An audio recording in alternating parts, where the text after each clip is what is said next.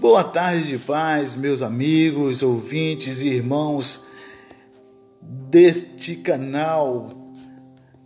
Estamos aqui no terceiro episódio do podcast. Nós vamos falar nesta manhã, meu querido, acerca do Salmo de número 30, que diz: Exaltar-te-ei, ó Senhor, porque tu me exaltastes e não fizeste com que meus inimigos se alegrassem sobre mim. Senhor, meu Deus, clamei a ti e tu me saraste. Senhor, fizeste subir a minha alma da sepultura, conservaste-me a vida para que não descesse ao abismo. Cantai ao Senhor, vós que sois seus santos, e celebrai a memória da sua santidade porque a sua ira dura só um momento. No seu favor está a vida. O choro pode durar uma noite, mas a alegria vem pela manhã. Eu quero ficar contigo aqui nesta manhã, neste verso 5, que diz na sua parte B: o choro pode durar uma noite, mas a alegria vem pela manhã. Amados irmãos, esse salmo é bem conhecido e muito utilizado.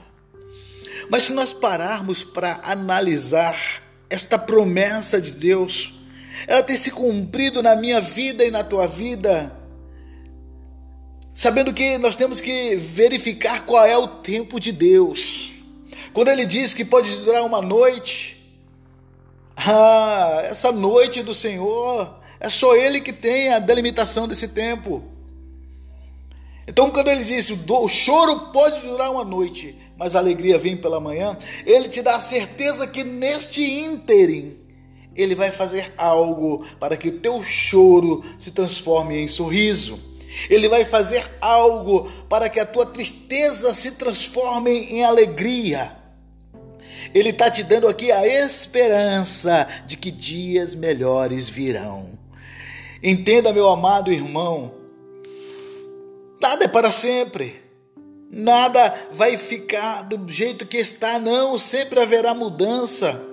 Se você acompanhar as ondas sonoras, elas são feitas de altos e baixos. E assim é a nossa vida. Tem momentos em que estamos alegres, mas vai ter momento em que nós vamos estar tristes. Nós temos que entender esse tempo de Deus para a nossa vida. E Ele dá essa garantia de que o choro dura só uma noite, mas a alegria vem pela manhã. Eu não sei como você está passando agora, eu não sei o que você está sentindo agora, mas é o teu tempo que tu está vivendo. Se tu está alegre, aproveita esse tempo de alegria. Se você está feliz, aproveita esse tempo de felicidade. Mas se por acaso você estiver triste, ei, não fique pensando que essa tristeza será eterna, porque Ele está te prometendo: a alegria vem pela manhã.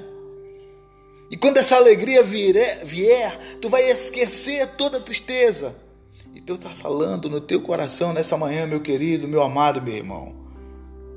Levante-se, põe-te de pé. Não deu certo, tenta de novo. Continuou não dando certo, não desiste.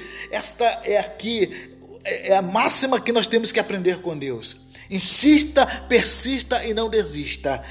Só tem vitória aquele que insiste. Só tem vitória aquele que não desiste. E Deus tem uma vitória para você nesta manhã. Essa tristeza não vai ser para sempre vai ter momento de alegria. E quando essa alegria vier, ah, abraça ela com todas as tuas forças e aproveite o teu momento. Deus te abençoe. Eu quero orar para você, por você nessa manhã. Soberano Deus e eterno Pai que estás no céu. A tantos quantos estejam ao alcance dessa transmissão, tristes ou alegres, com esperança ou sem esperança.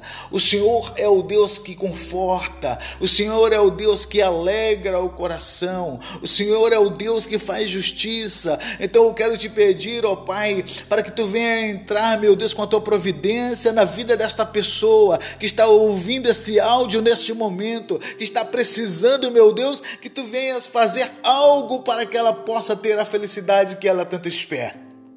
E no nome de Jesus Cristo, Senhor, se essa pessoa está enferma, seja qual for a enfermidade, coronavírus, se for, meu Deus, qualquer outro tipo, meu Deus, de virose, há poder no nome de Jesus Cristo para o Senhor curar, seja qual for o problema, problema do coração, problema de audição, problema nos rins, problema, meu Deus, reumático, há poder no, no nome de Jesus para que o Senhor venha, meu Deus, fazer com que essa enfermidade venha sumir dessa pessoa.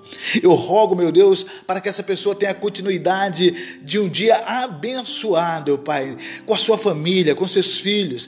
E se ela tem, meu Deus, algum ente querido, Senhor, que esteja hospitalizado, que esteja, meu Deus, encarcerado, entra com a providência na vida dessa pessoa, Pai, para que ela veja que há um Deus no céu que está vivo e vivo está. Em no nome de Jesus. Deus abençoe a cada um de vocês. Breve estaremos de volta com mais um episódio para a glória de Deus. Amém?